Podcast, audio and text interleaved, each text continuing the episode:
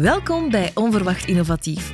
In deze aflevering spreken we met vader en dochter Daniels, die beide gebeten zijn door innovatie en digitale transformatie binnen een overheidscontext. Een topic waar Paul en Lieselot uren over kunnen inspireren.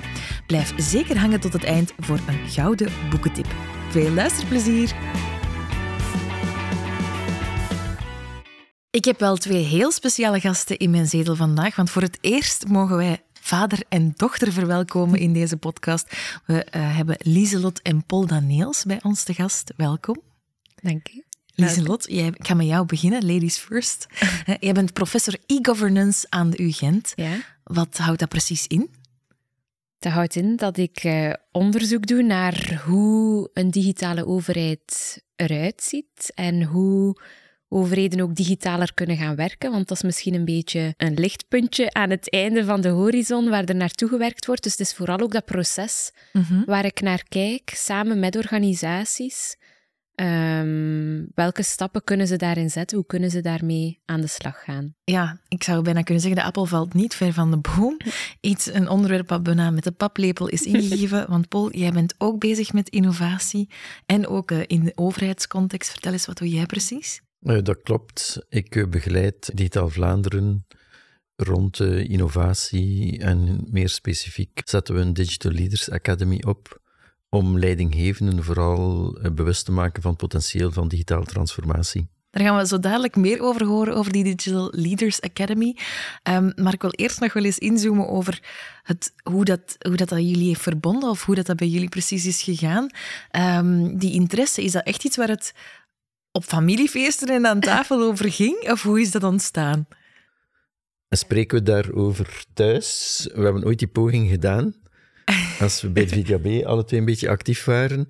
Maar we hebben eigenlijk die gesprekken moeten stoppen voor de andere huisgenoten en de familieleden. Die is uh, niet warm onthaald. Inderdaad, op een bepaald moment was de regel uh, niet meer spreken over digitale transformatie aan tafel. Enkel in de living waar wij niet bij zijn. Oh, is het waar?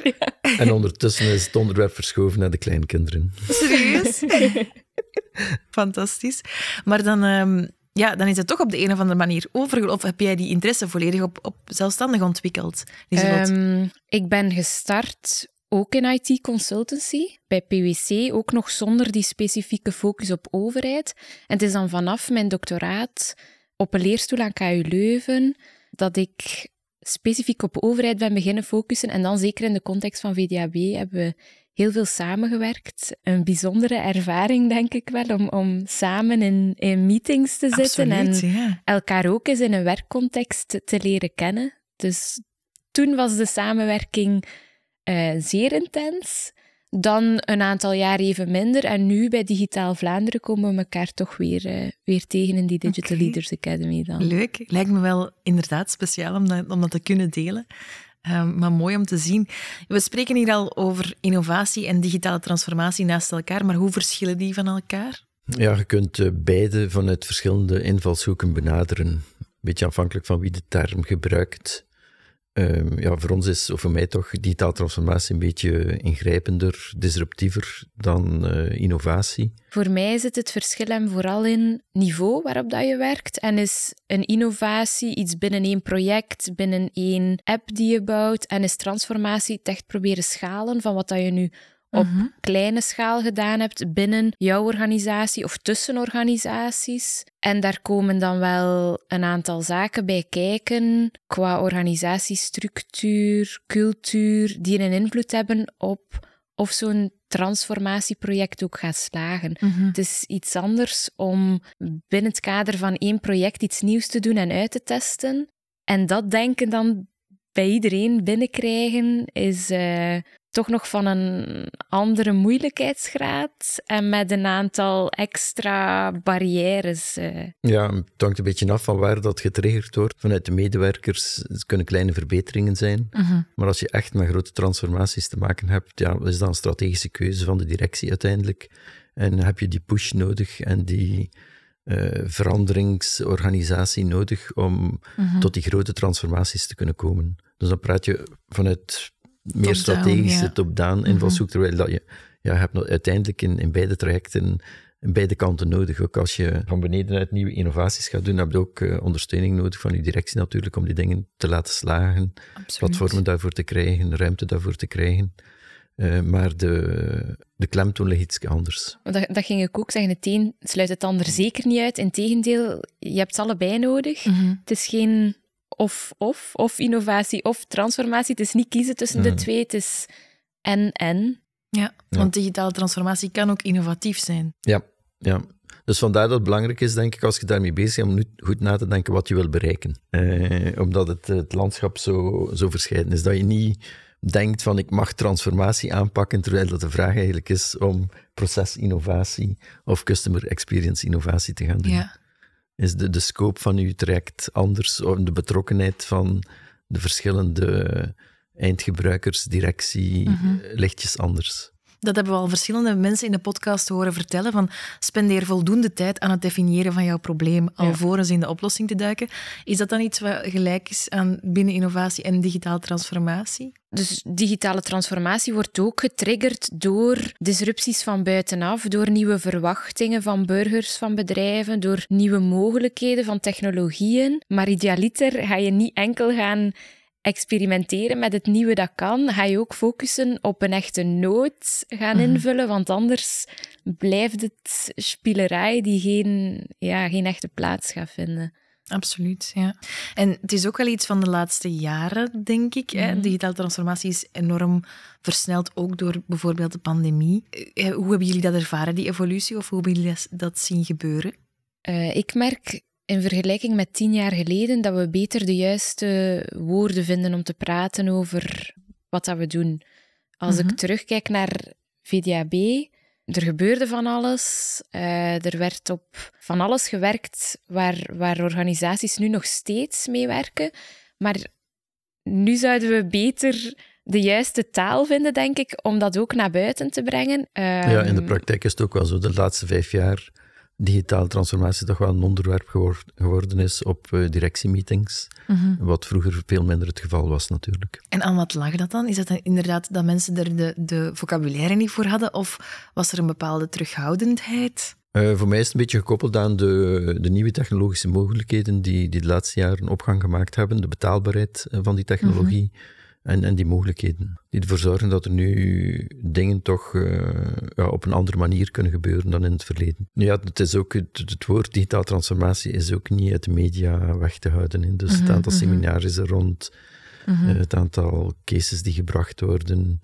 Uh, de media hebben de mond vol over uh, de digitale transformatie. Wat dat ik nog wil aanvullen was, dat ook al waren de technologische mogelijkheden er misschien iets meer jaar terug wel al, soms is het ook pas als de nood er is om die te gebruiken, dat ze belangrijker worden, dat ze meer mhm, mhm. aandacht krijgen.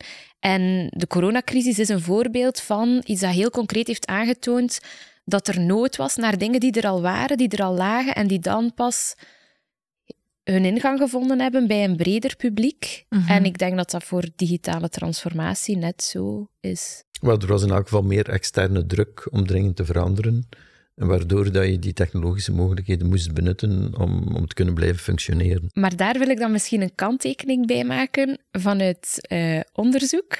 Want dan blijkt dat organisaties die digitaal gaan transformeren vanuit zo'n druk, vanuit het gevoel van we moeten dat doen, mhm. dat die eigenlijk veel minder resultaat gaan boeken dan degene die daaraan starten vanuit een, een interne drive uh, om dingen te willen doen dat, de uitkomsten dan toch verschillen afhankelijk van eh, hoe dat je eraan start, de reden waarom dat je eraan begint. Oké, dat is Dat klopt helemaal, ja. Ik ben het er helemaal mee eens. Als ik vergelijk met uh, mijn korte periode bij het notariaat dan, mhm. waar eigenlijk de, de start was rond we voeren ons bedreigd door blockchain. Mhm. Eh, eens dat die dreiging, dan die hype voorbij was, was de veranderingsbereidheid ook helemaal weg. Uh, in die monopoliegroep. Mhm, eh, mhm. Dus het geloof was onvoldoende aanwezig uh, binnen de groep, binnen die sector zelf, dat die verandering toch wel mhm. nodig was om klanten beter te bedienen. En werd eerder ehm, ingevuld vanuit die externe druk. En als die dan wegvalt, inderdaad, zoals ook met corona, denk ik, ehm, zullen toch een aantal organisaties terugplooien op oudere manieren van werken, in plaats van te zoeken naar de nieuwe combinaties van nieuwe mogelijkheden en oude manieren van werken om uh, stappen vooruit te blijven zetten. Ik kan me wel inbeelden dat dat, dat moeilijk is als je daar, op de momenten dat je daarmee geconfronteerd wordt, omdat je zelf misschien heel veel mogelijkheden ziet. En, uh, en, zelf wel een heel uh, prangende nood misschien ervaart. Hoe ga je daarmee om? Ja, dus dat is een heel goede vraag. Het probleem is inderdaad de oplossing zien en, en beredenerend uitleggen is makkelijk. Maar gaan ze organisatie meekrijgen in die verandering is ontzettend moeilijk. Dus als de cultuur van de organisatie niet mee wil met die verandering, gaat die ook niet lukken. Het idee of het einddoel mag nog zo duidelijk en, en goed zijn.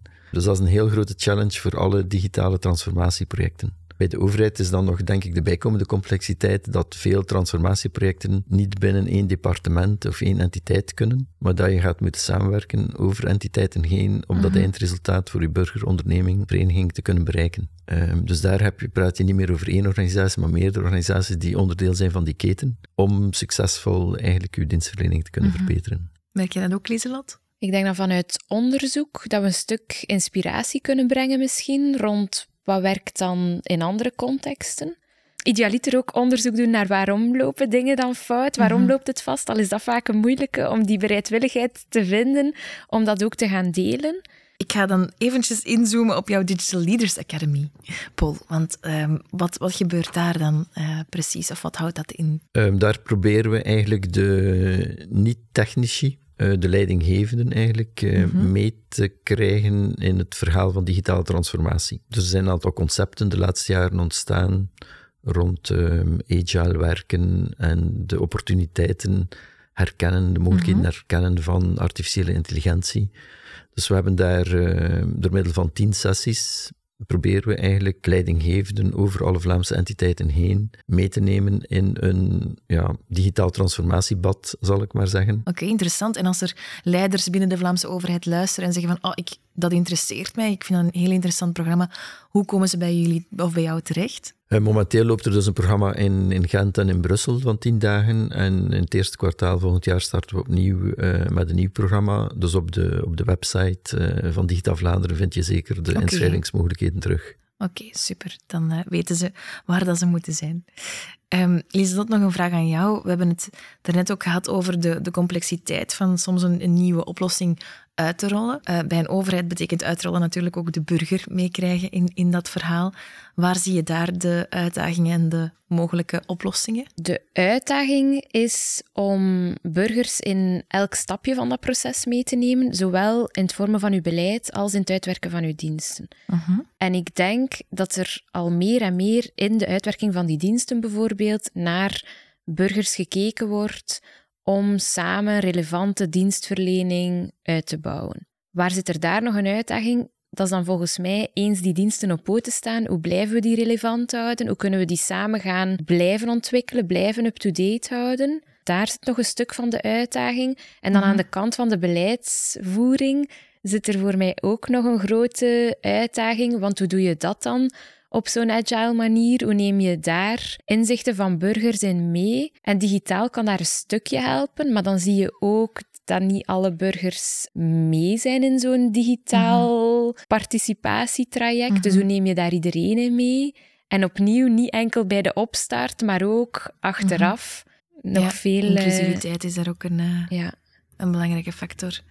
En wat zie jij zelf als, als mogelijke oplossingen of voorbeelden, bijvoorbeeld van waar het heel goed is gegaan? Denk jij zelf nog aan uh, andere voorbeelden? Ja, de challenges voor mij zijn eigenlijk uh, bij het begin natuurlijk altijd.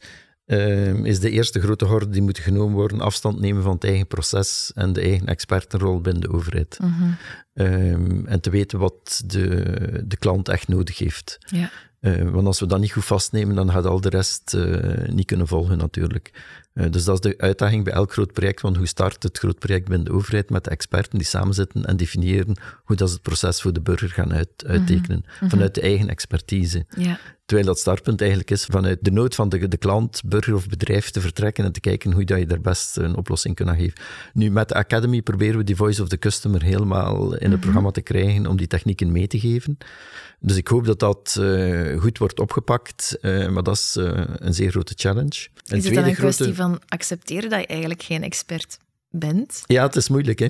Ehm, omdat je vanuit je expertenrol, ja, je zit tien jaar of twintig jaar in de materie en je weet eigenlijk wat de andere nodig heeft en je gaat dan eigenlijk ook een beetje dicteren van hoe mhm. dat dit dan maar moet consumeren of, uh, of aanvragen. Uh, en het is heel moeilijk hè, om daar opnieuw uh, los van te maken.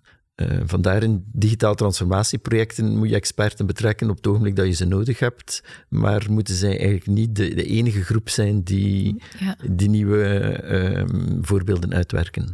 Een tweede uh, grote horde, denk ik dan, die nog kan genomen worden, maar waar we nog niet helemaal niet mee gestart zijn, is uh, alles wat dan met wetgevend kader te maken heeft. Dus ik denk als we daar een keer zouden doorgaan, juristen begrijpen niet veel van IT, maar uh, leggen soms wel door een wetgevend kader processen of, of dingen op die men niet in een, in een, wetgevend kader moet opleggen, die men moet overlaten aan hoe men uh, dat wil invullen. En daardoor zijn er toch heel veel drempels nog altijd aanwezig, ook in het wetgevend kader, die het niet makkelijk maakt voor uh, overheidsorganisaties om die dienstverlening te verbeteren. Nog een grote, een grote horde om te nemen dan uh, ja. daar.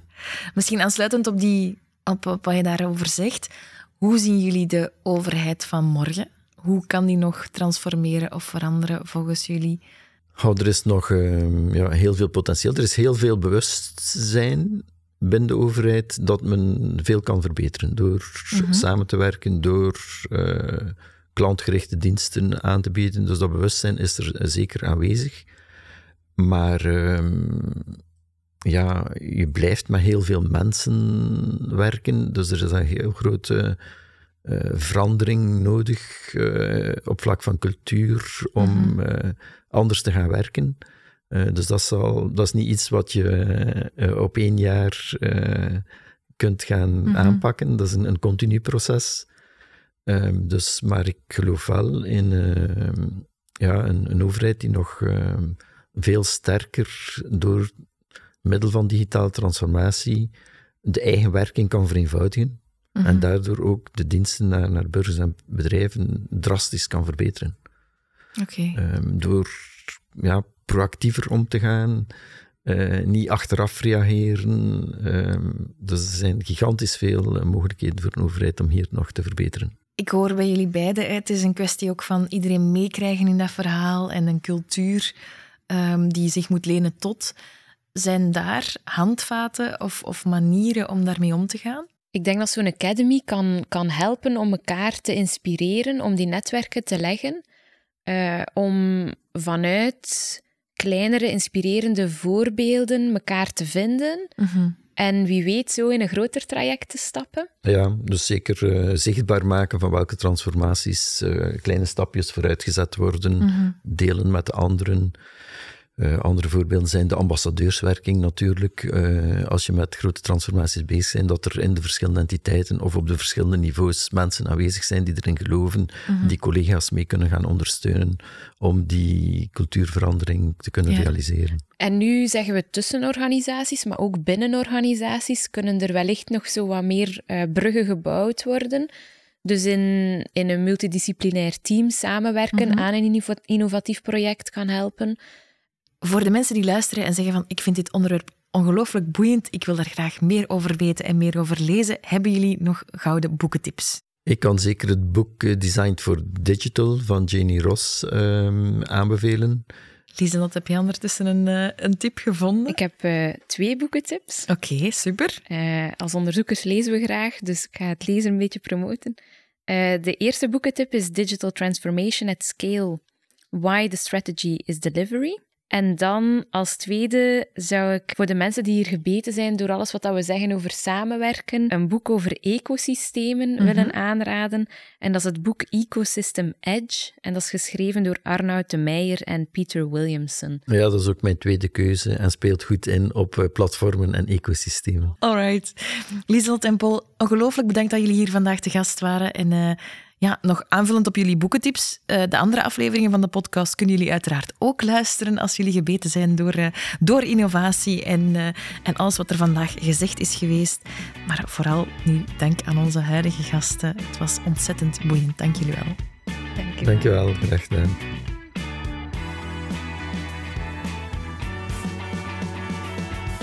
Dit was Onverwacht Innovatief. Bedankt om te luisteren. Heeft deze aflevering je geprikkeld of ben je zelf geïnspireerd om te innoveren?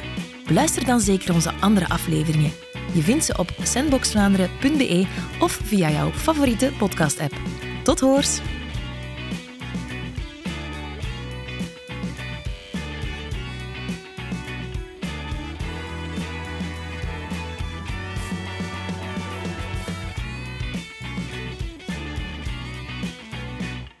Dit was een podcast van de Vlaamse overheid.